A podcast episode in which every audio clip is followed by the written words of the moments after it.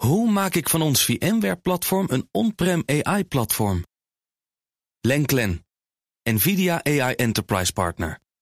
Lenklen, betrokken expertise, gedreven innovaties.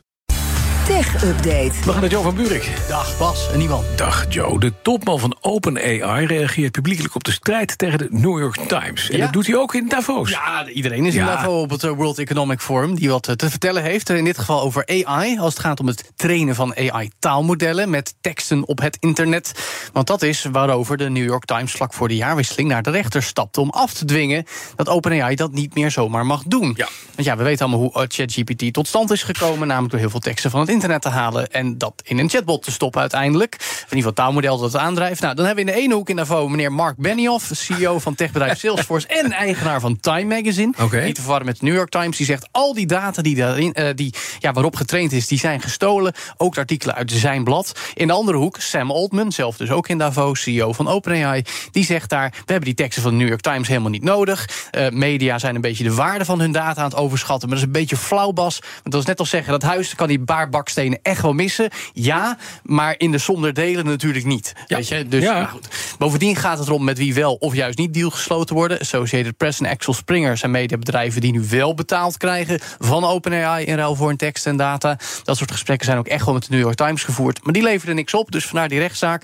En de vraag blijft, wat voor prijs plak je nou op zo'n deal? Nou, ook daarvan zegt Benioff in Davos, niemand weet de waarde hiervan. Maar er zou wel eigenlijk gewoon standaard betaald moeten worden voor deze praktijken. Ja, dan nog een ander verhaal. Want eh, Altman die sprak in Davos ook over het enorme energiegebruik dat eh, AI bewerkstelligt. Ja, Dit zuipt stroom. Nou, dat blijft ook wel goed om te benadrukken. Want het is allemaal hartstikke mooi wat je met AI kan. Maar het kost heel veel energie, vooral bij datacenters. En dus ook een hoop water hè, om de boel te koelen. Weet ook Sam Altman zelf. Die zegt, we hebben echt wel een doorbraak op energiegebied nodig... als we die mooie toekomst voor ons zien met hulp van AI. Want de hoeveelheid energie die daarvoor nodig is... is veel meer dan tot nu toe wordt aangenomen, zegt Altman zelf.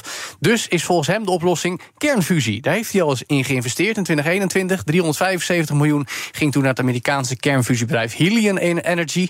Dat op dienstbeurt weer een deal tekenen met Microsoft om energie te gaan leveren. Gek, En die ja, zitten ook bij OpenAI aan boord. Hetzelfde Ja. bedrijf dat investeert en effectief eigenaar is van OpenAI. Ja, hoog ontkend ongehalte, maar goed. Eh, meer en vooral goedkopere zonne-energie is volgens Altman ook een oplossing. En de manier waarop we het opslaan, want ook daarvan weten we dat de problemen er zijn. Maar goed, tot die tijd in ieder geval verstandig om allemaal bewust te zijn van de enorme energie die nodig is voor AI-innovaties. Als je daaraan committeert, hè, werk met AI, dan moet je ook maximale geven voor de energietransitie.